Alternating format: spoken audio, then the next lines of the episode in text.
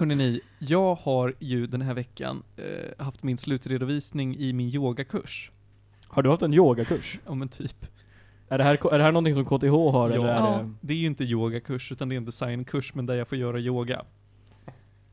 är det en del av curriculum då eller? Ja det är det. Det är en eh, villkorligt valfri kurs. Men jag hörde av låter väldigt den villkorlig och väldigt valfri. Eh, jag skulle designa en produkt based on bodily experience. Så jag designade lysrör som också är syntar. Rör aldrig den där Du igen. får inte röra den. För då... Kolla, kolla, kolla. Ja men han hör ju, han har inte medhörning jag ditt spån. Nej jag vet, men jag visar det för er. Ja, aj. We know. Jag håller mina händer på ordet. Det är bra. Eller på täcket.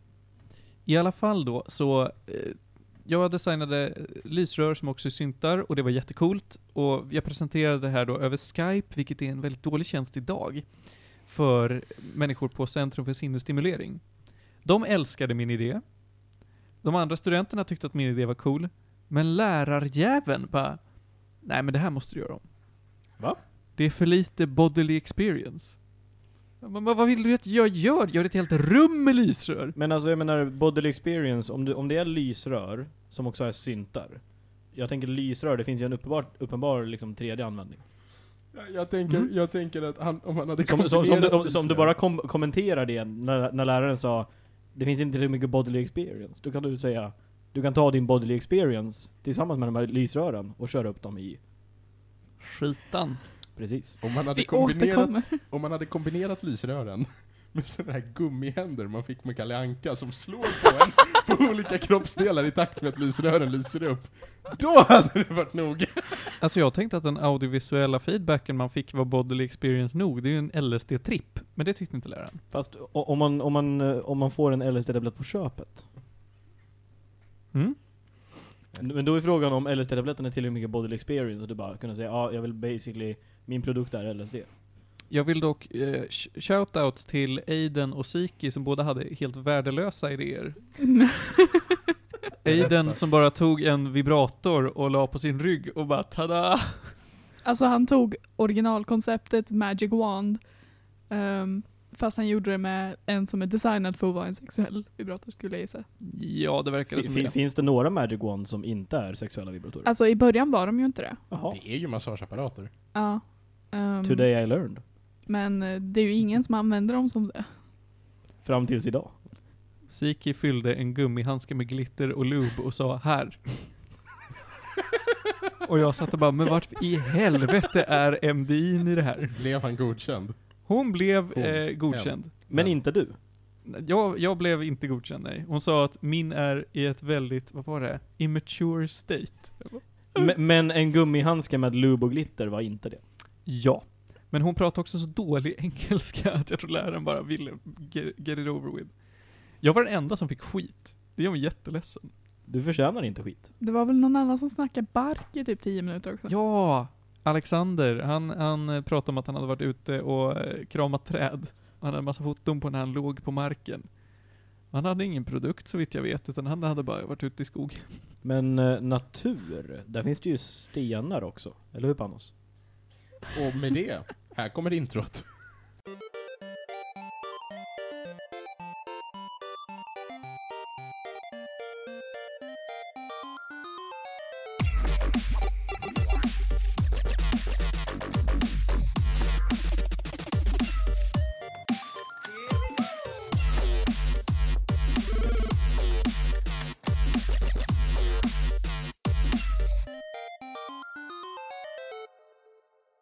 Mina vänner, det är helt magiskt. Vi har nått avsnitt 50 av Medis Radio. Det är helt sjukt. Och vi firar det genom att eh, Panos får ha första maj-tema. För det är ju nämligen den första maj 2020. Mitt namn är Martin Lindberg, jag är som vanligt programledare och till vänster om mig sitter Julia Terstol Backlund. Hallå, hallå! Sen har vi ju såklart Panos Tetufexis Tjena. och en ny röst för programmet. 50 avsnittet firas med Ludvig Lundberg. Hallå, hallå. Du är lantis. Jag är inte från Stockholm. Och därmed per definition lantis. Eh, jag tror dock att Västerås är större än Karlstad. Vä- Västerås är faktiskt. Sveriges femte största stad, eller sjätte största stad om man Mm. inte räknar Upplands Väsby som en stad. Nej men det tycker jag inte vi ska göra. Det jag tycker jag heller. definitivt vi ska räkna Upplands Väsby som en stad. Ja, nej, vi ligger på typ plats tätort. 20. Så. Men Panos, det är ju bara för att det ligger i Stockholm. Ja, jag Du hade ju inte velat räkna någon annan stad i Sverige som en stad. Nej, gud nej. Har, har Västerås stadsstatus lagligt? Ja, såklart. Ja vadå, varför skulle, vadå, skulle du tro att Västerås inte räknas som en stad? Nej men det där är jättespännande för det är, stadsstatus delas liksom inte ut längre utan det är en sån här kvarleva från förr. Mm. Så att Solna har det till exempel men vissa riktiga städer har inte det. Västerås är ju en så pass gammal stad att eh, den har ju stadsstatus. Den var ju liksom väl bebodd sedan länge. Happy days. Men vänta, Solna får räknas som en egen stad. Japp. Hagastaden är inte en stad. Nej. Nej.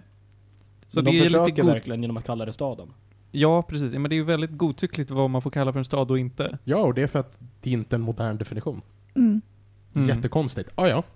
Eh, Jag vill ju påpeka en grej nu, för nu fick jag ett sms här från Vidar, som skulle varit en potentiell gäst idag, men sa jag är nog full. Vi ska se vad han har att säga. Eh, han är sjukt seg idag, är det lugnt om han bangar? Ja. Eh, sådär 45 minuter efter att sändningen skulle börja, är det helt okej att säga att det inte kommer? Men det är, det är ju Vidar i ett nötskal. Jag tycker, skick, skick, skicka honom lite kärlek, han behöver nog. Ja. Bättre sent än aldrig. Ja, bättre sent än aldrig. Ja, men jag skriver till honom och säger att ja, du är ju sen, men det är jättefint. Nej men idag ska vi prata om kul grejer. Och eh, jag tänkte att ni får börja med Cure for Wellness. Ja, du gick in på dagordningen direkt alltså. Oh ja. Nu hann inte jag ens skriva till Vidar, så att om du eh, fyller ut med någonting Panos i några sekunder så hinner jag skicka iväg Mm. ett sms. Ja, ehm, Du kan prata om vad resten av dagordningen innehåller. precis. Utöver Cure for Wellness eh, kommer vi snacka lite om eh, The Guild. Och eh, vi kommer också att återbesöka eh, både Assassin's Creed och Final Fantasy. Eh, I och med att det, det har funnits utvecklingar. Eh, det är det vi har planerat för idag. Ludvig, vad har du pysslat med på sistone? Eh, jag har eh, febrilt försökt spela klart uh, Spiderman till PS4 så jag kan ge det till Martin. Han skulle ha fått det idag, men vi har båda glömt bort det de senaste tre gångerna vi har setts. Kul!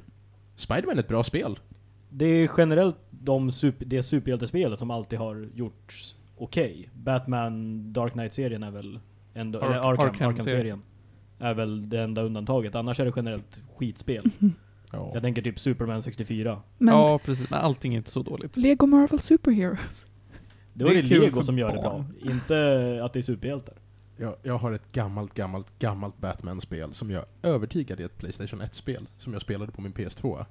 Där hela, hela spelet är bara biljakter. Och sen är allt däremellan bara cutscenes.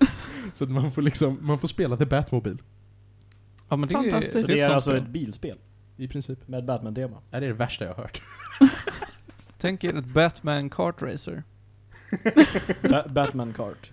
Jo Joker-mobil och massa... Ja, men precis. Two-Face är en tvåsidad bil.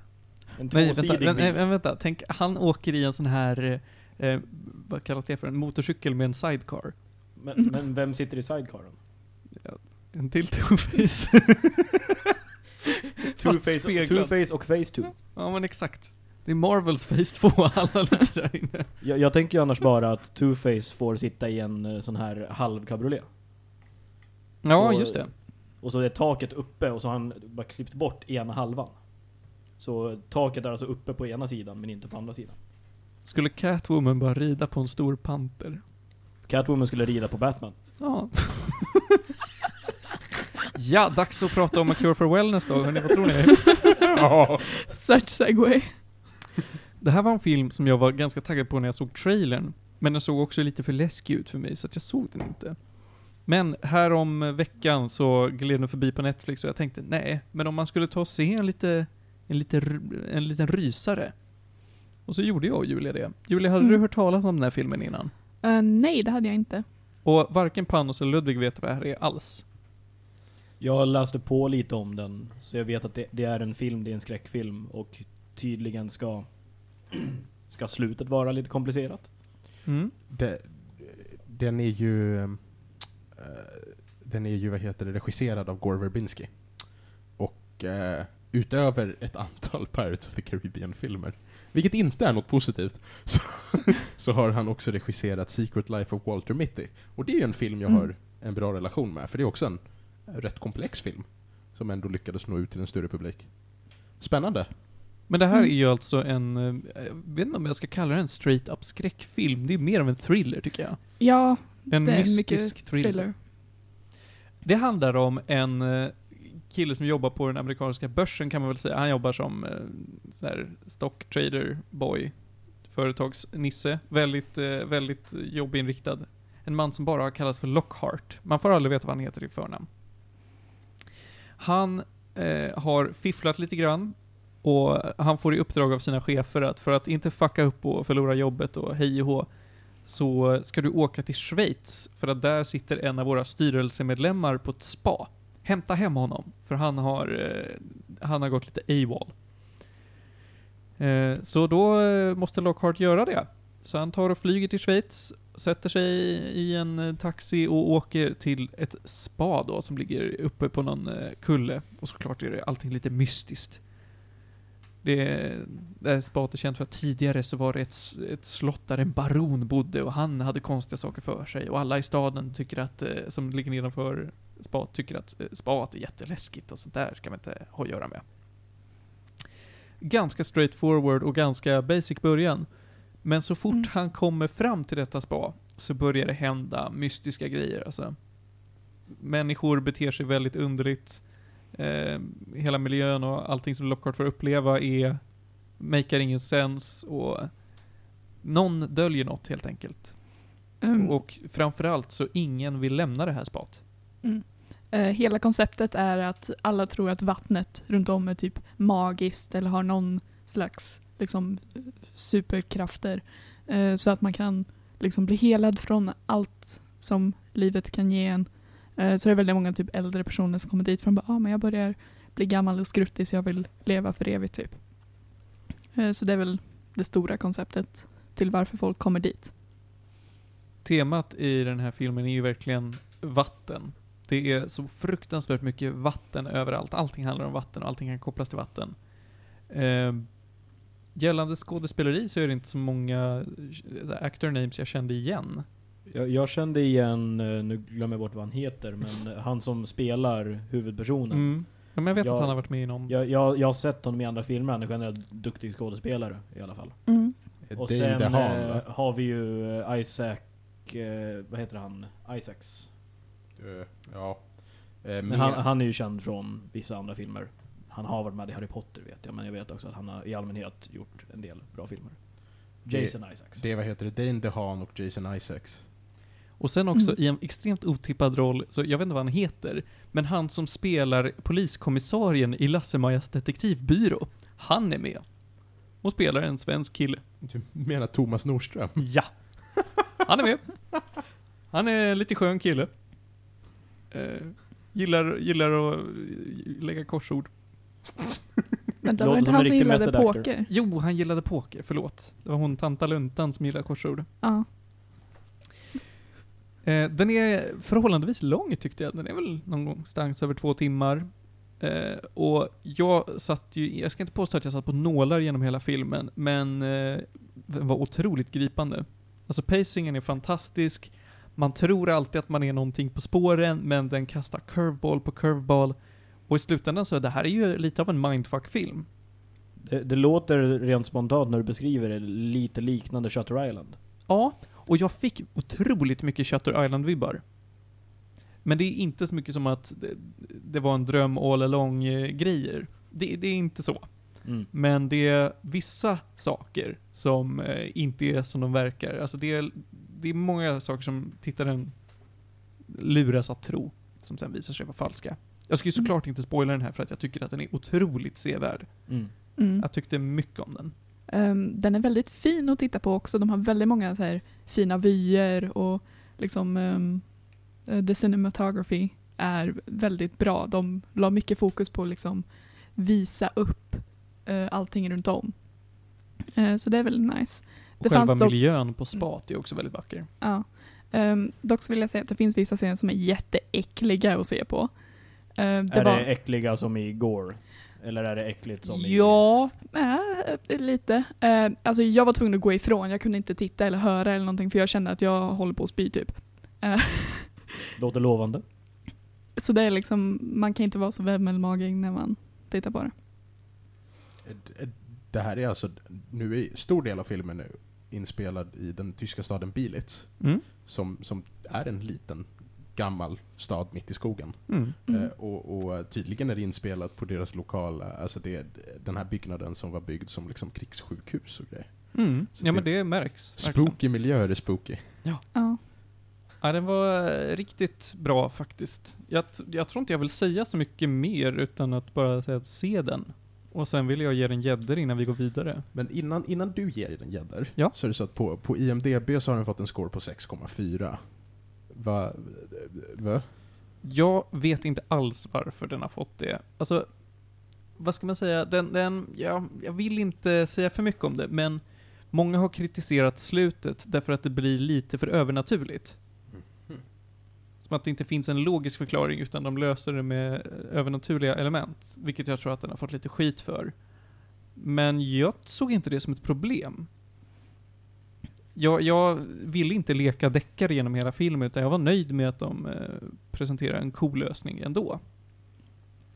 Ja, när jag läste många reviews så var det många som liksom överlag klagade på att ah, men, eh, den känns inte så, så grounded in reality och jag vet inte, det kan vara för att alla, liksom, jag har inte sett trailern men kanske att trailern visar någonting som skulle vara mer liksom, realistiskt och mer som en vanlig trailer, jag har ingen aning. Låter ju Ehm. mycket som att folk hade förväntningar på att den skulle vara grounded även om de aldrig faktiskt Ja, hade uttalat sig. För det var mycket om så här, bara, ah, men ehm, de twisten man fick, de var inte realistiska och det var mycket om det liksom. Eh, Sen var det vissa som klagade på pacing och sånt, men det finns det ju alltid. För några, några avsnitt sen så pratade vi om den här psykskräckisen med de två gubbarna och fyrtornet. Ja, Ja. det är eh, Lighthouse. Hur, Ja. hur, eh, hur, eh, hur känner vi liksom jämförelse genremässigt? Du får tänka på att det var bara Felix som har sett The Lighthouse. Just ja, Så att vi har ingen aning, men jag är jävligt taggad på att se den. fucking Felix. var, var Lighthouse den med Pattinson Ja. och Ja. eh, Defoe. The Freeze? Precis. Mm. Jag tror att den är mycket mer så här, psykologisk, alltså det är ju väldigt mycket relationer mellan dem skulle jag gissa på. Mm. Eh, på den här så är det ju liksom mer att ja, settingen är det som är Mm. thrilleraktigt. Saker som faktiskt händer, inte bara två personer som interagerar med varandra. Mm. Men det finns ju ett, ett djup och en utveckling här. Alltså, man kan ju absolut analysera den här filmen utan och innan vad gäller karaktärer och motiv och sånt där. Mm. Men eh, jag, jag förstår verkligen inte varför den har fått en 6, vad sa du, 6,4, 6,5. Ja. Jag tycker det är lågt. Ja, nej, det förstår jag inte. Jag, jag skulle vilja ge den här gädden nu. Eh, Mm. Och jag ger den här en väldigt stark åtta faktiskt. Oh. Det är nä nästan uppe och pillar på en nia. Mm. Ja, nej, jag skulle väl säga detsamma ungefär. Det är en stark åtta. Den är, jag tycker den var jättebra. Finns Ibland- på Netflix. Mycket bra. Ibland tror jag att folk i den allmänna publiken bara borde lära sig att uppskatta vacker film lite mer. För det finns väldigt mycket meningslös film som är väldigt vacker. Mm. Det, Finns en anledning till varför, till varför det finns Oscars för specifik cinematografi. ja, Ja. precis. Jag vet inte om den här hade vunnit några priser på något sätt. Jag tror inte den har gjort det. Ja, nej, Nej. inget, inget speciellt. Jag tror den har passerat eh, ganska lågt på radarn faktiskt. Ja, jag, jag tror helt ärligt att bara att, som sagt jag har inte heller sett en trailer, men det låter ju som att de säljer in det som en skräckfilm. Och jag tror att det vänder bort den typen av publik som egentligen skulle uppskatta den. För folk som Mm. går och ser en skräckfilm, de vill, de vill ha jump scares och de vill bli rädda. De vill inte få saker att tänka på efteråt, existen, existentiell kris och så vidare. Mm. Ja, men det är alltid svårt att sälja in mindfuck-filmer. Det är bara Nolan som kan göra det. Ja, men det var väl att han sålde in världens coolaste cast och massa pengar. Ja, men de flesta av filmerna han har gjort har ju varit, har ju varit mindfuck-filmer. Må- Många, många saker i Inception var ju att ja, gravitationen byter håll och ja, nu eh, här böjs hela staden. Jo, jo, jo. Absolut. Men där hade han än en gång en all-star cast. Absolut. Eh, jag tror att det är dags att gå vidare, Mhm.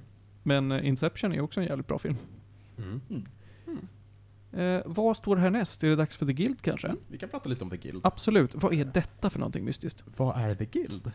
Eh, The Guild är en eh, rätt så känd YouTube-serie som utspelar sig över sex säsonger. Och den är producerad av Felicia Day.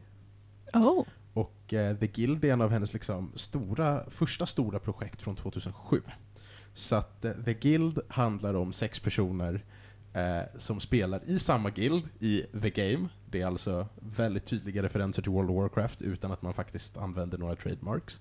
Och så Mm. handlar det om deras interpersonliga relationer och deras relationer med andra guilds och eh, det, det är liksom vad det är, är en sitcom som visar människor eh, som inter vanligtvis interagerar i en liksom, internetmiljö. Mm. Eh, och det här var rätt stort 2007. Det var så stort att när Felicia Day sökte produktion för det här så blev hon starkt rekommenderad att inte producera det till TV, utan istället producera det till YouTube. Så det är därför alla sex säsonger är producerade och ligger uppe på YouTube. Mm. Eh, det, det är liksom, jag, jag är snarare överraskad över att ingen av er har kommit i kontakt med det här. Är det live action-produktion? Ja, ja, ja. Det är Ja. Felicia Day spelar själv Okej. eh, huvudpersonen. Ehm, Du, du nämner det här The Game. Finns det faktiskt footage av det de spelar, eller är det... Ja, de, har- de har gjort, på några ställen har de gjort riktigt, riktigt jävla billiga fula animationer Fantastiskt. som ska föreställa deras guildhall och eh, ja, det, det, hela grejen är, den är baserad på WoW. Mm. Den handlar i princip om hur det är att vara med i ett community på WoW. Ja. Men de har obviously inte skaffat licenser för att kunna visa upp WoW. Så att därför har de kringgått det. Eh, och det, det är skitkul. Eh, karaktärerna är ju då, det är eh, Felicia Day själv, som spelar Codex, eh, som är Priest, och sen, sen har hon liksom en, en cast med eh, medspelare, och det är Zabu, Zabu eh, Vork, Blades, Clara och Tinkerbella. Och, och, och det, är liksom, det är en småbarnsmamma som skiter i sina ungar och sin man för att spela spelet. Det är en 40-åring som bor i sin mammas garage och eh, sparar in genom att typ så här rota i soporna efter mat. Eh, En freegan. Vad sa du? En freegan. Ja, nej, inte på det sättet, han är bara snål. det, är, eh, det är en väldigt, väldigt finnig 17-årig eh, pojke som jobbar extra som pirat på någon så här eh, cheesy pirate, eller vad fan restaurangen Ja. heter. Det, det är menat att det ska vara stereotypiska nördar. Ja, det är jätte, jätte, jätte stereotypiska nördar. Eh, och, och utöver det så har vi, vi har faktiskt lite roliga, eh, en av eh, antagonisterna som spelar i ett annat guild då, som håller på och fuckar med dem, Fox, spelas av Will Wheaton. Jaha. Ha! Wow. Eh, superkul. Eh, det, det, det dyker upp ett par kända ansikten här och där.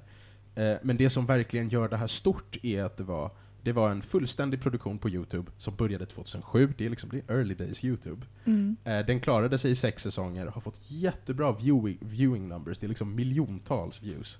Ja. Ehm, och, och inom communityn som följer Felicia Day och Will Wheaton och deras såna här små projekt närmare så har det varit eh, i princip en änd, ändlös källa till memes. Och är den här avslutad? Ja, den är avslutad. Okej. Den avslutades 2013. Okej. Så det finns sex kompletta säsonger man kan kolla på. Mm. Ehm, mm. När var det Felicia Day eh, gick med i Supernatural? Oh, det är en eh, väldigt bra fråga faktiskt. Ehm, För att det är där jag har sett henne. ja, ja, men så är det. Uh, Felicia Day, ja, fast ju det. Eh, hennes första stora roll är ju inte Supernatural. Nej, Utan hon spelade ju i Buffy. ja, men jag har inte sett Buffy. Är alltså, du förvånad? Egentligen inte. Alltså, Panos, gillar du Buffy? Jag gillar inte Buffy, men jag respekterar värdet det har. Ja, men ka- håller jag med dig till 100%. Typ samma här. Jag har sett bitar av avsnitt här och där. Det var inte jag som kollade på det, men jag stod i bakgrunden. Alltså, det det, är, det är inte dåligt. Alltså, Buffy är ju det nice, men det är, jag tycker inte det håller så bra idag. Det är väldigt campy. Skulle du säga att True Blood håller idag? nej, nej, det skulle jag väl inte säga. Jag tycker inte, alltså på samma sätt som True Blood håll, inte håller, så tycker jag inte Smallville håller. Smallville håller ju inte heller på grund av liksom, all kontrovers kring liksom, deras actors. Nani? Va? Vad finns det för Ehm, kontroverser där? Alltså det är ju en av de som spelar tjejen, jag har inte sett Smallville men jag vet att hon har varit med. Eh, Hon blev ju arresterad för att hon ehm, var med i en sexkult och liksom typ såg till så att hennes ledare kunde våldta massa tjejer. Åh fan. Huh. Jag, jag vet ju att Panos bara dör i bakgrunden.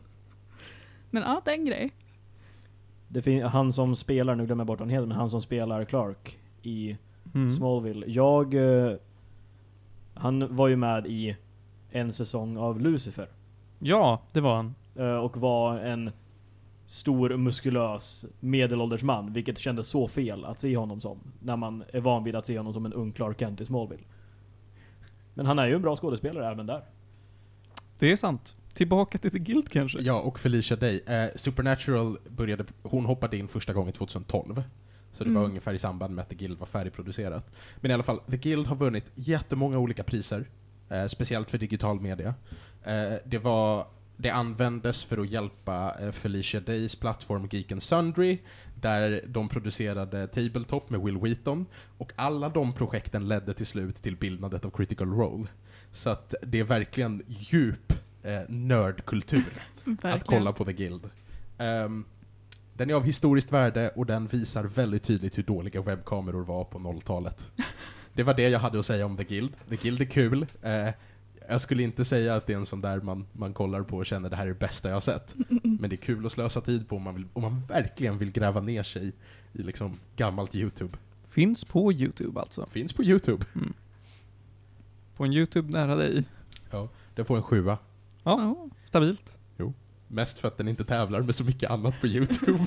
Finns inte så många YouTube-serier. Men Panos, YouTube Red håller ju väldigt hög kvalitet. YouTube Red kan dö! All the YouTube originals. Just Vi, behöv, vi, vi, är ju alla, vi ser ju alla fram emot Logan Pauls tredje långfilm på YouTube Red.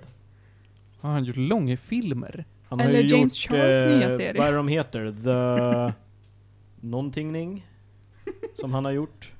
The White. Och, det, det var, och, det, och nummer två av, dem, av, av den avbröts ju i och med hela Suicide Forest-kontroversen. Just det, Mm. just det. Men sen så återupptogs produktionen och den faktiskt släpptes.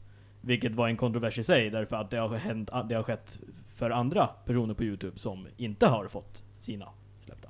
Nej, men Logan Paul är ju känd och genererar pengar. Fast det gör han Mm. ju inte längre. Han är ju inte så känd längre. Nej, men han genererar nog tillräckligt med pengar. Ja. Han är en stabil inkomstkälla. Det är ju det är ju mest det här att just hans, hans videor har alltid varit lätta att göra reklam för. Mm. Så du behöver inte göra mer än, ja men, gör han två miljoner views per video, då, då drar han in väldigt mycket pengar. För Mm. han kan sätta ordentligt bra ads på det. Kan vi prata om att Logan Paul har spelat någon, någon form av skitroll i Law and Order Special Victims Unit? Kan vi prata om att. Tabes är med i, i, fan heter den nu då? Nu glömde jag helt vad filmen heter. fan heter det? Hellrider, Skullrider, vad heter den där? eh, Hellraiser? Hellblazer? Eh, jag Kan ni bestämma er? men jag tänker ingen på den här filmen där Nicolas på. Cage spelar Ja! en Ghost Marvel. Rider. Ghost Rider, Ghost. Rider. Han är med i Ghost Rider 2. Ursäkta va? Tabes är med i fem sekunder i Ghost Rider 2. Spelar fan. en civilian som får sin motorcykel stulen. Av Nicolas Cage. Va? Cool cameo ändå. Ja. Om jag hade haft en motorcykel hade jag velat att Nicolas Cage gjorde den. ja.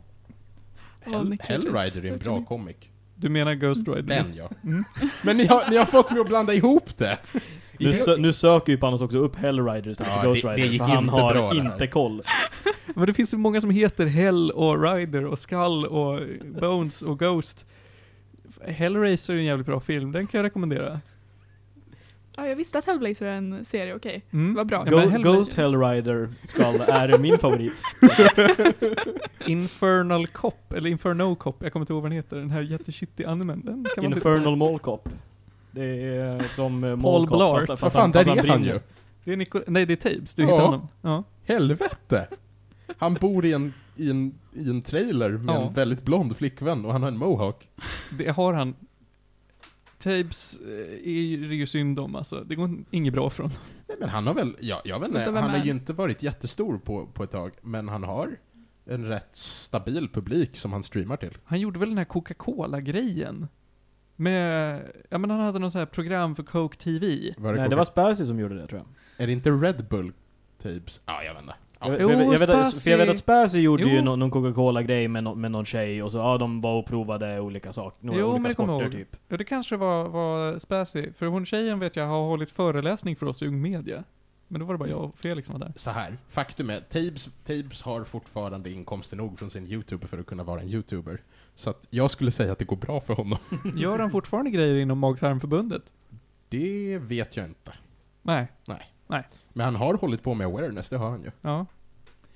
Eh, ska vi ta och vända ditt leende upp och ner på honom så får du prata vidare om Assassin's Creed. Ah, ja, just det. Okej, så att... Eh, jag har ju spelat Origins och Odyssey. Origins var ett bra spel, Odyssey inte lika så. Eh, och och här, här, ska vi, här ska vi prata om varför. För att jag inledde med att berätta lite om Odyssey när jag började för en månad sedan. Ehm, men nu är jag klar. Jag spelade klart det absolut sista igår natt, och fram till igår natt så hatade jag på det här spelet för Martin om och om och om och om igen. Eh, och det finns några huvudsakliga anledningar. Den största huvudsakliga anledningen är att de verkligen försöker göra Assassin's Creed till ett RPG likt Witcher. De gör det inte lika bra och det håller inte för konceptet. Det har varit fullständigt fantastiskt i tidigare Assassin's Creed-spel att kunna lära känna sin karaktär, och nu ska man istället sitta och välja konversationsprompts och bilda karaktären själv, och det har, ingen, det har knappt någon påverkan på spelets gång, och det leder bara till en väldigt osammanhängande story. Fuck RPG-element i Assassin's Creed, go back to the old days. Det här är skitdåligt. Jag hatar det. För det andra så är spelet extremt dåligt paceat. Jag blev klar med eh, huvudstoryn vid level 43, men för att bli klar med alla kampanjquests måste man vara 50. Och då har jag ändå under huvudstoryn behövt extra grinda sidequests för att komma ikapp olika levelhopp. Så att spelet är extremt osammanhängande paceat, och det funkar inte. Gamla Assassin's Creed-spel hade en linjäritet som ledde till att du kunde hänga med i storyn, det existerar inte här. Och det Mm. var jag jättebesviken på. Men! Men! Här är ett lyft. I slutet av spelet kommer vi tillbaka in i det överliggande sci-fi-arken som alla Assassin's Creed-spel följer. Och det är här de räddar det. För nu har Assassin's Creed-arken plötsligt börjat bli spännande igen. Och då menar du specifikt sci-fi-delen av liksom arken? modern day-delen. För att jag har inte tyckt att den har varit kul sen Desmond Miles dog. Ja. Det var liksom, där höll de ihop det skitfint, det var spännande, det var intressant.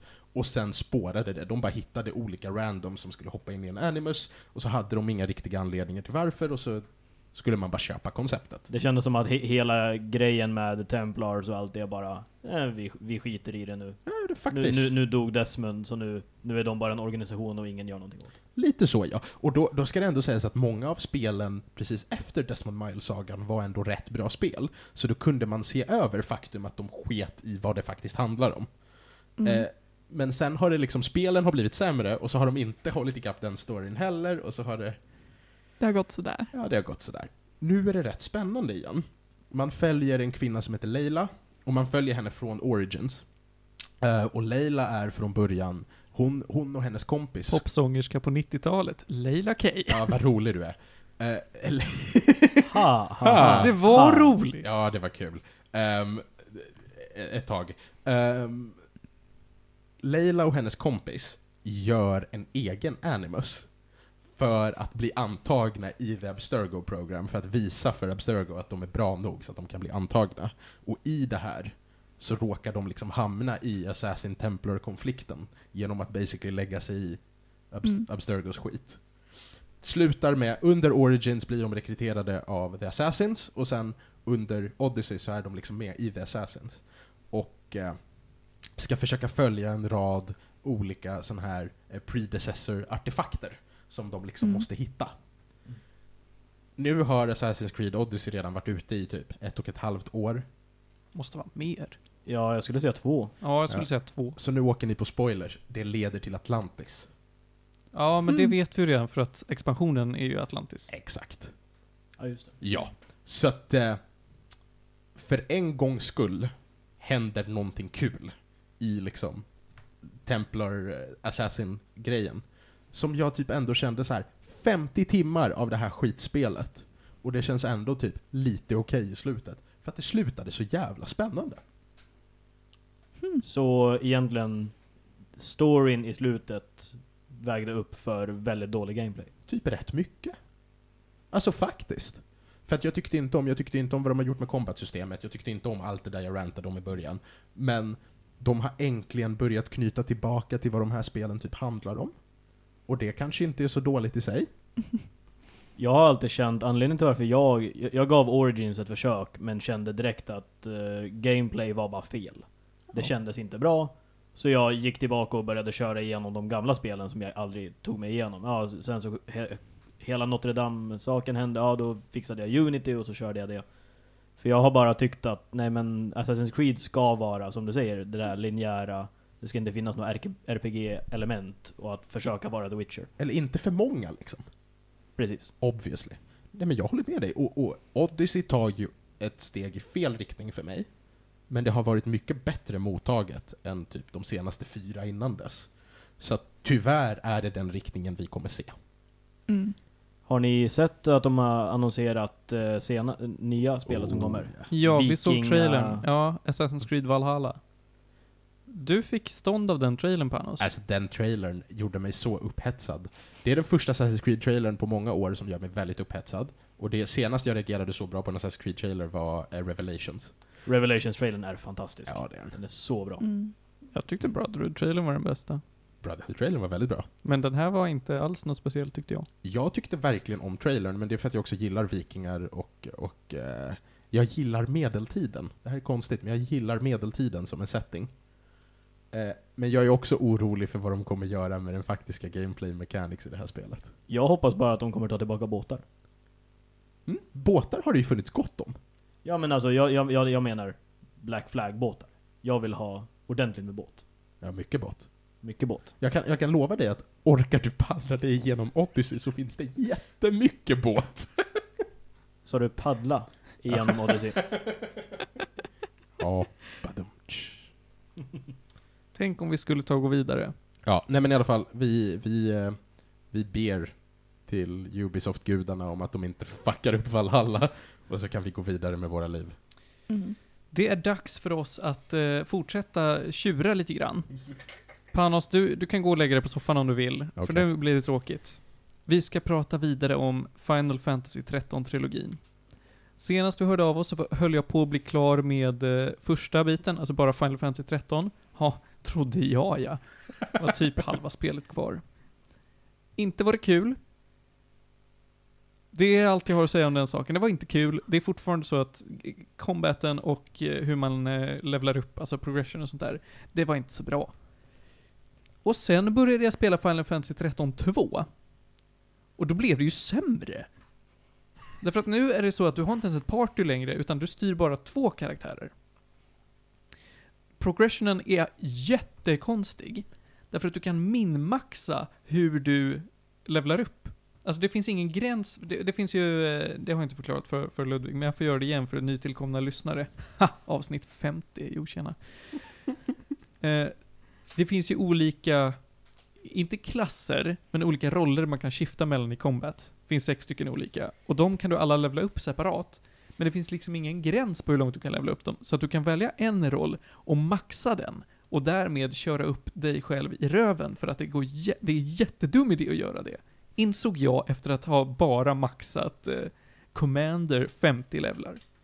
Så eh, det, men det är alltså, man behöver alltså gå in i flera olika roller. Man måste göra i en speciell ordning. Det är så här, ja men du måste ta den här eh, kommando till level 13 och eh, jag vet inte, medic till level 9 och grejer så här, för varje gång för att se till så att du kan komma vidare i rätt takt. Men jag vill ju vara bard med bara karisma. Ja, eh, du kan göra det, men då kommer du få grinda väldigt mycket.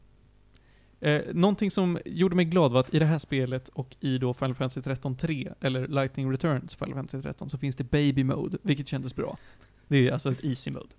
Okej, jag trodde det var att alla, alla karaktärer var bebisar. Nej. Det hade ju också varit Det hade varit helt ett bättre spel. faktiskt. Fast fanns det inte en sån här liten bebisfågel? Jo. Jo, det finns ju en Baby Chocobo. Ja! Men den är ju knappt med i det här spelet alltså. Den gör, en, mode. den gör en cameo i en DLC basically. Eh, men den körde ju såklart inte jag för att fuck den här jävla trilogiskiten. Storyn var jättekonstig, de introducerade time travel element, hej och hå i gardinen är blå, jag tyckte inte om det. Eh, eh, det är allt jag kommer säga. Jag är det här, fan, jag gav väl Final Fantasy 13 så här 3 eller någonting. Jag kommer ja men 3 eller 4 gav jag den. Den här är i alla fall nere och pillar på världens svagaste trea eller kanske en tvåa. Av 10. Jag behöver hjälp. Ja visst. Mm. Vi har pratat lite om Final Fantasy 13 i typ tre avsnitt nu. Ja. Det är rätt tydligt att det är ett halvdant spel. Ja. Varför har den en Metacritic score på typ 80-90? Final Fantasy 13? Ja. Jag har ingen aning. Har du kollat vad user score är där? För jag vet, alltså Final Fantasy 13 är ju typ ökänt som det dåliga Final Fantasy-spelet. Där det är liksom, det är ingen som gillar det. Det får till och med 7 av 10 på Steam. User score på Steam är 7. Jag, jag, jag fattar inte varför. Alltså, det- Steam är övertaget av Weebs i det här laget. Det är för sent. Det enda som jag tyckte var bra med Final Fantasy 13, det var att det var linjärt. Och så fuckar de upp det! Kan, kan någon där ute, för det, nu vet jag att vi inte har några lyssnare, men ponera att vi har lyssnare. Och någon av er faktiskt gillar Final Fantasy 13. Kan ni snälla, snälla, jag, jag, utgår, jag utgår med belöning, monetär belöning, om ni hör av er till oss och förklarar varför. Han har pengar. Men om, om man tar som, som andra exempel på sån där RPG Earthbound. Mm. Det, den fick ju också väldigt kall reception när det släpptes, men i det här fallet kan man ju inte ens säga att men- och sen, men sen förhöjdes det till, sky, till skyarna därefter och folk tyckte ja det här är ju ett av de bästa spelen någonsin ungefär. Vad satan är Earthbound för något? Earthbound är Jag vet NES. inte vad Earthbound är. Eh, har du spelat eh, Super Smash Brothers Panas? Lite grann. NES. Ah. Där. Han är huvudkaraktären i Earthbound. Det är eh, en RPG i en modern setting. Så det är liksom... Du, du går runt i, och det finns ja, men, apotek och det finns ja, men, butiker och sådär. Och så har du en liten crew med folk och sen ballar storyn ur helt. Det här är basically, det här är basically predecessorn till alla dating sims på nätet. Typ. Earthbound? Jaha. Visst, kalla det vad du vill. O- och- Alltså Okej. det, det, det är, har fått hylla till skyarna för att storyn är ganska bra och humorn är ganska bra. Men jag tycker ju att Earthbound är skittråkigt. Och det är framförallt så jävla grindigt och svårt. Det, det är också, de har ju väldigt, en väldigt intressant approach till, ehm, till fighting-systemet. För att man ser inte sig själv. Man ser inga av sina egna karaktärer. Man ser, Men de var inte först med det. Fantasy Star var innan dess, tror jag. Tror jag. Men vadå, vad ser man? Eh, nej, så man du ser bara motståndaren och, Och- så ser man en liten... eh, Meny. Ja. Okej. Eh, nej men det, det är verkligen, jag tycker inte om Earthbound. Det finns de som gör det och jag respekterar väl dem, för att det finns, jag ser att det finns ett värde i storyn och humorn. Men alltså, gameplay tycker jag är skittråkigt. Um, då ska vi se, jo, vi ska prata om Final Fantasy 13.3, eller då Lightning Returns. Det spårar ur totalt. Åh gud vad den spårar. Där är du inte ens ett party längre, du är en person. mm, Du går från sex till två till en. precis som mina kompiskretsar. Mm. Och här tar de och lånar ett element från Final Fantasy 10-2, som var då att man bytte kläder och därmed fick andra abilities. Här kan, ja, ja. Du kan Japp. vara en catgirl i det här spelet. Ja! Du kan vara Melina i hennes bandagesuit från eh, Mortal Kombat 9. Jag är intresserad. Ja. Eh, berätta mer. De har väldigt många fanservice-grejer i trean. Den är smockfull med liksom, antingen så har man så här jätteskimpy outfits eller så har man grejer som är callback till andra Final Fantasy-spel. Det är väldigt mycket så här, men kolla på oss guys, Final Fantasy. Jag skulle vilja kalla det här spelet nu, med reservation för att det inte är perfekt, Love Child mellan Final Fantasy som franchise, Dragon Age Origins och Zelda Majora's Mask. Hur i helvete tänker ni då? Jo. Inte. Jag, jag tänker väl bara spontant, Majora's Mask var ju ändå... Det var, det var ju bra gameplay, så gameplayen kan väl inte ha varit så hemsk med andra ord. Ja, Jag tycker att det här har väl... Eh, alltså jag tycker att det här är bäst av de tre. Men det är ju fortfarande shitty gameplay. Och progression systemet finns knappt längre. Nu är det så att du kan inte liksom välja att levela upp, det finns inget XP, utan det är bara genom att klara quests som du får stat increases. Hur är det här RPG längre i så fall? Ja men du gör ju quests. Ja, ja jo. Jag Ja. antar det. Så att du går upp, plockar upp quests, fightas mot monster, hittar items, pratar med personer, eh, och, och så klarar du quests och får extra stats. Det här spelet då är Majora's Mask för att det har en time limit. Det utspelar sig över 13 dagar. Och så måste man liksom. Mm, och så finns det Mm. vissa saker man måste klara av, och på den 13 dagen så, alltså du måste klara igenom alla 13 dagar. Det är inte så att du är så här, när du har klarat det här så hoppar vi vidare. Utan när du har spenderat 13 dagar, då är det final boss, lycka till. Det finns inget sätt att reverse time. Det finns sätt att ge dig själv lite extra tid. Eh, men annars så är det bara, spring människa, spring! De här Gör- 13 dagarna, hur pass lång IRL-tid är det? Eh, en, eh, en timme är 48 minuter. Nej, det är inte alls Nej. det. Vad är det nu då? En timme är... Varje sekund, i, eller förlåt, varje minut in-game är två sekunder. Så att 60 minuter är alltså eh, två minuter. Precis så är det. Så att hela spelet i tid är 48 minuter. Så blir det. Nu får jag tänka efter här. Tänker jag rätt? Wait. Men tänk- Så, Ja, men jag måste tänka efter här på, på vad jag faktiskt menar. du, du sa att en minut är en minut IRL. Nej, Nej, en minut, en minut i spelet Ja. är två två sekunder. sekunder. Så att 60 minuter är 120 sekunder. Ja. Ja. Så att det är alltså en timme är två minuter. En dag är 48 minuter. Så blir det. Exakt, exakt. Okej. Ja, så blir det. Och det var Ehm, 13 dagar. Och det Ja. här eh, beror på också, om man köper normal så är det ännu kortare tid. Eh, De förlänger det om man köper baby difficulty. Ja, wow. Jo, det gör de. Ja. Det är också så att om du eh, flyr från fighter så tappar du 10 minuter eller en timme eller någonting. Men det, jag körde på baby difficulty för att... Det är för att du palla. behöver springa väldigt långt innan de slutar jaga dig. Ja, det är därför man typ. tappar så mycket tid. Ja, och det finns ju såklart en optimized route för att klara av alla sidequests och sådär på, på rätt tid. Jag orkade ju inte, jag hade inget intresse, så att jag körde igenom så mycket jag tyckte var intressant. För att det finns många sidequests som var ganska intressanta och sådär. Men jag hade ändå problem med sista bossen. Jag var tvungen att grinda en bit. Sen så fick jag Ultima Weapon och då så insåg jag, ah, okej. Man skulle, alltså- de säger att du måste inte hitta det här. Du måste basically hitta det bästa vapnet i spelet. För det ökar dina stats markant. Storyn är fakt, fakt, fakt, fakt, fakt, fakt. Fakt, fakt. Eh, hela konceptet är att um, sen huvudkaraktären uh, typ i tvåan blir neddragen, nej i ettan, uh, blir neddragen så blir hon typ eh, disciple för först gudinnan men sen dör gudinnan och så nu är det för Gud. Så hon kommer tillbaka för att hon ska rädda världen för att ehm, kaos har gjort så att ingen åldras och det finns ingen tid men det finns tid. Um, ni hör, ni hör hur fuck det här är. Eh, Så det är ingen föds, ingen åldras, men folk kan dö fortfarande så folk liksom försvinner sakta men säkert. Ehm, Och de här 13 dagarna är 13 dagar innan domedagen. Ditt Ja. uppdrag, döda Gud. Rimligt. Nietzsche approves. Ja, men absolut. Eh, vi ska inte prata mer om det här, för det är fakt. Jag rekommenderar ingen att spela någon av de här spelen. Det här får 4 av 10, för det var ändå bäst. Jag tyckte ettan var, eller förlåt, eh, Lightning Returns var bäst, Final Fantasy 13 var näst bäst och Final Fantasy 13 2 var fan sämst. Eh, fuck det här. Nu går vi vidare. Nu är det något annat. Kan, Ska kan, vi ni, prata om någonting roligare? kan vi prata om typ Spiderman? Snälla, Ja. kan vi gå tillbaka till något vi mår bra av? Jag kan absolut prata lite om Spiderman. Om, eh, Snälla. gör Har vi det. inget mer på dagordningen? Nej. eller? Jag tror vi, inte vi hade väl eh, Animal Crossing?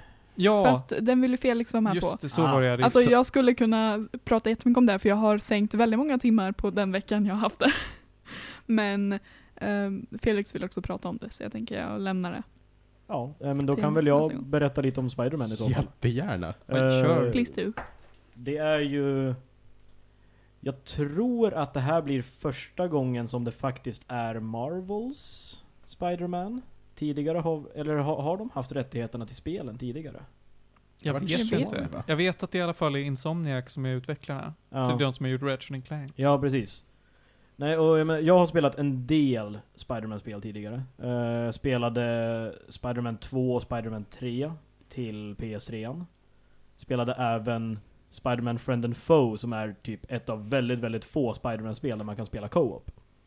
Mm. Eh, men eh, det här är då det som, ja, den här gen, ny, ny, senaste generationen Spiderman. Det är eh, det märks att de drar nytta av att de har ordentlig teknik bakom. Det finns, eh, det finns väldigt mycket, det är mycket mer fart i sakerna man gör.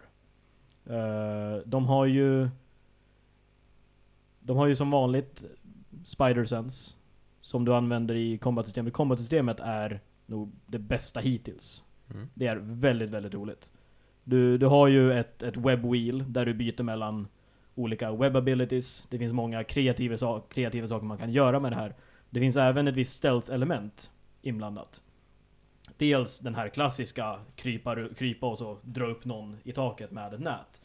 Men även eh, om två personer Men även om två personer står bredvid varandra då kan du skjuta en typ, grab, en typ grappling hook fast i nät som drar, som slänger ihop dem så att de eh, däckar. Det finns, väldigt- finns väldigt mycket variation, det finns många olika approaches man kan göra till varje mission. Eh, och eh, det finns en del collectibles, finns lite sätt att samla på sig eh, ryggsäckar bland annat och eh, ja, time trials, allt sånt, alla möjliga side missions. Det som jag har tyckt har varit absolut roligast är inte storyn, utan det är eh, hideouts, heter de. Eh, och då, eh, det är egentligen bara döda alla goons på den här byggarbetsplatsen, eller vad det nu kan vara. Och eh, man kan slå rekord, eller man kan få olika challenges. Och då är det så det försöker man göra alla de där. Jag har ju fortfarande inte riktigt blivit klar med storyn med andra ord. Åh fan. Men storyn har varit imponerande hittills. Det är en väldigt bra Peter Parker i det här spelet.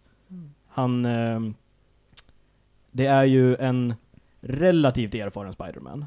Eh, han har...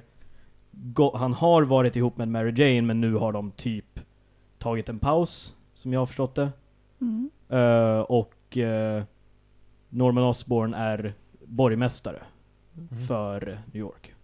Finns det inte ett parti i den här spelen där man spelar som antingen Mary Jane eller Gwen Stacy? Ja, precis. Mar- Mary, Jane Mary Jane. är ju lite, ja men, uh, ballsy journalist. Eh, så hon har en, då har man en del sneak missions med henne, där man ska, ja man kan typ kasta någon sten för att distrahera någon och så ska man, och så kollar de bort och då smyger man förbi.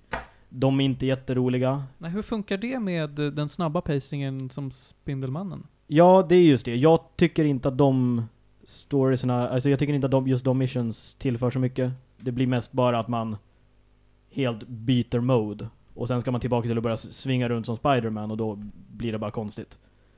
Och många gånger så är det ungefär Varför gör du ens det här? Varför låter du inte bara Spider-Man göra det istället? Det känns Mm. aldrig som att det är någonting som hon är unikt kvalificerad för att göra. Det var väl bara, ja, vi vill att hon ska göra någonting så här, hon ska gå in och typ gräva runt i någons eh, eh, skrivbordslåda. Jaha, va- varför ska du, just du göra det här? Men då är det, nej men hon vill hålla det hemligt för, till och med för Spiderman. Så hon ungefär hör av sig, ah shit, I'm in trouble. Rädda mig, för nu är jag inlåst med 50 stycken skurkar. Men annars är det ett väldigt roligt spel. Eh, och det är ju främst gameplay som, som gör det roligt. Mm. Jag hade kunnat hantera en mycket sämre story, helt ärligt. Nu är storyn bra. Men eh, det, är, det är just, ja men på något sätt, replayability till tusen. Bara för att det är så kul att bara svinga runt. Ibland glömmer man bort att man faktiskt ska göra saker. Jag har ju funderat mycket på att spela det här spelet och jag kommer ju låna det av dig en vacker dag. Eh, men... Eh, men eh, det, jag har ju sett mycket visuals och sånt där och det ser ju jävligt fett ut. Eh, är det inte så att det finns mycket, alltså det, det är mycket lore med i det ifall man, ifall man har koll på lore så, så är det så här eh, din, din eh, våta dröm. Det, så är det absolut. Det finns ju väldigt mycket Och så här nickar och referenser. Ja men precis, Easter referenser och Easter eggs. Eh, bland annat så har du ju eh, Du har en special ability som är låst till vilken dräkt du använder. Ah. Och då Mm. finns det ju, jag tror det är 30 stycken, något sånt där, kanske mer dräkter. Eh, vissa, en är Iron Spider från Avengers Infinity Mm. War. Du har eh, hans eh, klassiska ehm, in i boxningsringen från Raimis trilogi, från Raimi-trilogin. Eh, vi har Noir, film Noir, Spider-Man. Ja, och massa, en, en del futuristiska såna här typiska Stark-dräkter fast ännu längre in i framtiden ungefär. Ja, Okej. Mm. Även en kul grej, uh, Yuri Lowenthal, som gör Peter Parkers röst i den här, uh, voicear ju bland annat uh, Ben 10. Han voicear huvudpersonen i Persona 3 och 4. Japp. Eh, och Eh, han ja, voice... ja, Nej, Han är Yusuke, Yosuke Hanamura i Persona 4. ja, ja. Och sen voicear han också Prince of Persia i Ja. några. Mm. Vi har, vi har pratat mycket om Yuri Lowenthal. Framförallt i DDT pratar vi om honom en del. Ja, en gång i tiden. Ja. Eh, mycket av det här påminner ju om Batman Arkham-serien. Mm. Alltså, det, det finns ju den här Spider Sense som basically är Eagle Vision från eh, Assassin's Creed, eller då The Bat Sense, eller vad fan Mm, man ska kalla det precis. för. Och combat-systemet från vad jag sett verkar lite liknande, men mer rappt. Alltså det är mycket lättare att eh, hoppa Ja, runt. och, och det är väl egentligen det här att det, det, det grundar ju sig i Arkham-systemet, det här med ja men kontra-attacker och ungefär du håller spaken åt det hållet du vill attackera och så sköter han sig själv. Så, på det sättet. Men det är just det här, bara det faktum att man har nätet tillför väldigt mycket till det. Det blir inte samma slå en person, slå en till person, slå nästa person, utan man eh, kanske hoppar upp i luften och så greppar man någon person från långt bort och drämmer ner honom i marken där man står. Och sen så skjuter man en nätbomb på fyra personer så att de håller sig borta från en ett tag. Och så är det någon stor fet snubbe som man, eh, in, som, eh, in, som man inte kan blocka. Och då måste man slå lite annorlunda. Ja men det, det händer mycket mer. Så det blir inte det här Även om Arkham-serien är ganska snabb i combaten så blir det ganska, det är mer stationärt jämfört med Spider-Man. Vilket, vilket kanske inte är så konstigt med tanke på att Spiderman ändå är en superhjälte som är menad att vara mer flexibel. Och, Ja, precis. Och det är ju, man kan liksom, man kan hoppa och studsa mot väggar och det blir liksom mycket mer det här att använda miljön på ett annat sätt också. Det är ju gatulock och allt sånt där roligt. Jag hade inte insett det här, men Insomniac är alltså både de som startade Spyro och Ratchet and Clank. Det stämmer. Det är ju toppenbra. Ja, alltså de har världens eh, katalog av, av guld bakom sig. Ja, verkligen. Det är ju skitbra franchises båda två. Fy fan vad... Ja, jag hade ingen aning. Spännande. Ja, äh, förlåt eh, alla lyssnare för att jag glömde att nämna att de också har gjort Spyro. Men vi har Spyro pratat om Reignited Trilogy, så det, det är bra. Mm. Eh, hörni ni, jag Mm. tackar Ludvig så mycket för det där. Vi har väl någon bit kvar? Eh, Jag ville först nämna en lite rolig grej. Jag vill bara sätta min egen ålder genom att säga att det första Spiderman-spelet jag spelade var Spiderman Plug and Play. Den konsolen från 2004. Åh, Eh, fy fan. Och jag kommer inte ihåg någonting annat än själva eh, liksom konsolen eller joysticken för den var jätteweird. Det var det enda jag tänkte säga om det. Ja, herregud. Mina äldsta, mina äldsta minnen är franchise-spelen som hörde till Sam Raimi-filmerna. Mm. Som jag tycker, för det, som det låter på dig, och jag har ju spelat en stund hemma hos dig, det har jag och Martin båda gjort. Mycket av det de har plockat med i mekaniken kring hur Spiderman rör sig och slåss är ju saker som var bra även i de spelen, så de har ju obviously varit väldigt duktiga på att få Ja, med det precis. folk gillar att spela. Just, ju bara, som till exempel webbslingingen är ju precis lika bra och bättre som i de tidigare spelen från PS3. Har du nå- Mm. har du några gäddor du vill ge det här? I och med att jag inte har spelat klart det än, så kan jag väl inte riktigt säga helt definitivt. Men just för att jag bara tycker att det är så kul att spela det och aktivt har valt att inte fortsätta med storyn, för jag glömmer bort det. Så jag skulle ge det åtminstone en åtta. Det kan vara Det lite, bet- det kan vara lite frust- frustrerande ibland, och det är väl därför som jag inte kan ge det fullt. För det finns vissa grejer som ehm, bara, jag vet inte riktigt hur jag ska, ja men till exempel side missions med Mary Jane som blir lite utdraget. Mm. Ja, eh, jag tänkte gå vidare och eh, byta, byta typ av kultur. Mhm. Jag vill prata mat. Jaha. Hur reder man sås? Jag lyckas aldrig reda sås. Ska vi reda ut det här? Ja, tack Ludvig. Du, Ha, ha, ha, ha. du tar typ så här majsstärkelse, Mm, majsena, mm, och så rör du ner det i en liten mängd kallt vatten mm, och ser till att det löser sig. mhm, mhm. Och sen har du i det i såsen och Mm. hettar upp så att det får reagera. Och det är så man reder sås. Då är det en jävligt viktig grej vi ska ta och skaffa oss majsena. Majsstärkelse. Jag har pratat om det här rätt länge, att ja, men alltså, man behöver ha majsena, men jag bara, nej nej nej, men det löser Men sig. jag har liksom aldrig sett majsena i mitt liv. Du kan reda med vanligt mjöl också, det är bara mycket Mm. svårare. Ja. Vi har gjort det någon gång. Och då går det Det ibland bra och ibland ganska dåligt. Det brukar klumpa sig. Ja, Ja. om man har otur. Ja. Jag föredrar pastavatten. Mm. Det är bra Mm. red. Det är ett jättebra sätt att reda sås på. Mm. Därför att pasta är gott.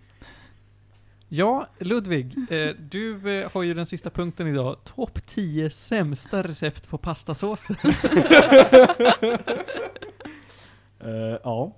På tionde plats.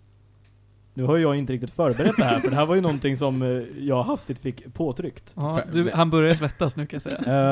Ehm, är det här specifikt saker som jag själv gör då? Eller är det Det här är, det här är du som ska improvisera Ludvig. Lugn, Mm. lugn. Jag tänker, jag tänker att ett acceptabelt svar är exakt alla varianter av Keldas färdiga såser.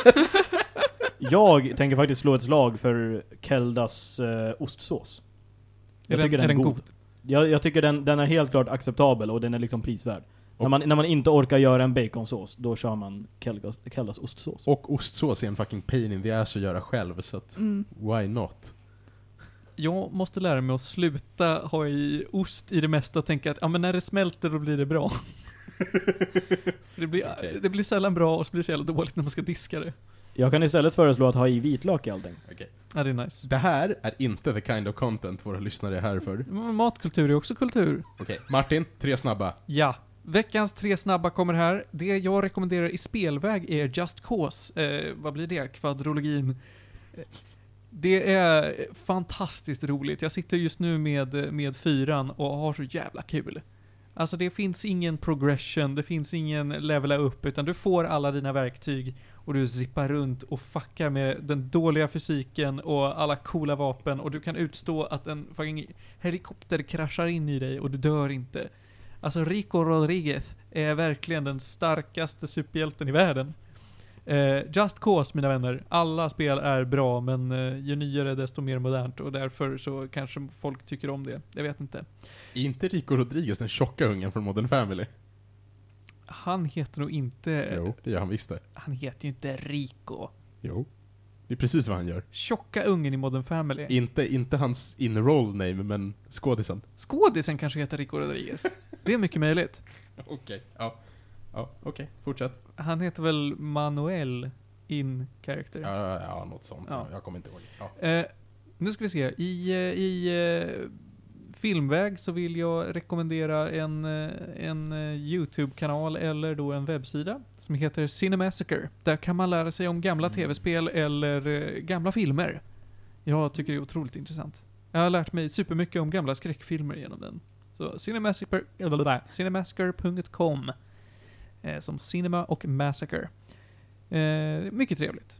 Drivs av en eh, regissör slash bara... James Rolfe. Ja, precis. Filmintresserad kille som heter James Rolfe. Han är, han är väldigt härlig. Mm. Och i eh, ljudväg så hade jag någonting på G. Jo, nej, jo, fan. Jo, men jag tar, jag, jag har glömt vad det var eh, från början, men jag rekommenderar Manu Chao. Det är anarkistiskt. Det är ett eh, fransk-spanskt Balkan, hej det är världsligt eh, band som spelar Eller om Manu Chao är en sångare. Ja, ja men bandet heter ju också Manu Ja. Chao liksom. Eh, ja, äh, men det, det är lite sådär, lite spansk musik. jag vet inte vad jag ska kalla det för. Det, det känns eh, väldigt, eh, väldigt eh, dumt för mig som inte kan så mycket om den typen av musik och bara kalla det för spansk musik. Men det sjungs mycket på spanska och franska och det är lite Chaka, chaka, chaka, Det är chaka, väl typ chaka, lite, chaka. alltså det är lite alternativ punk och ska typ. Ja, Mm. visst är det det. Ja. Eh, Och det är jävligt gungigt. Har fantastiska livekonserter, kan jag säga. Och det var det för tre snabba den här veckan. Nu svettas jag mer än Ludvig. Ja. Ja. Eh, Och därför så tackar vi alla som har kommit hit på avsnitt 50 av Medis Radio. Det har varit fantastiskt roligt att producera det här och vi hoppas bli ännu bättre i framtiden. Kul, med, kul om man får någon lyssnare någon gång. Vill man kontakta oss så gör man det lättast via vår Facebook-sida. Där heter vi Medis Radio. Man kan också följa oss på Instagram. Där heter vi @medisradio. Och eh, man kan också mejla till oss at me, eh, på medisradio.gmail.com. Eh, så är det med det. Puss och kram allihopa. Tack för alla som har varit här och nyp i stjärten på dig som lyssnar.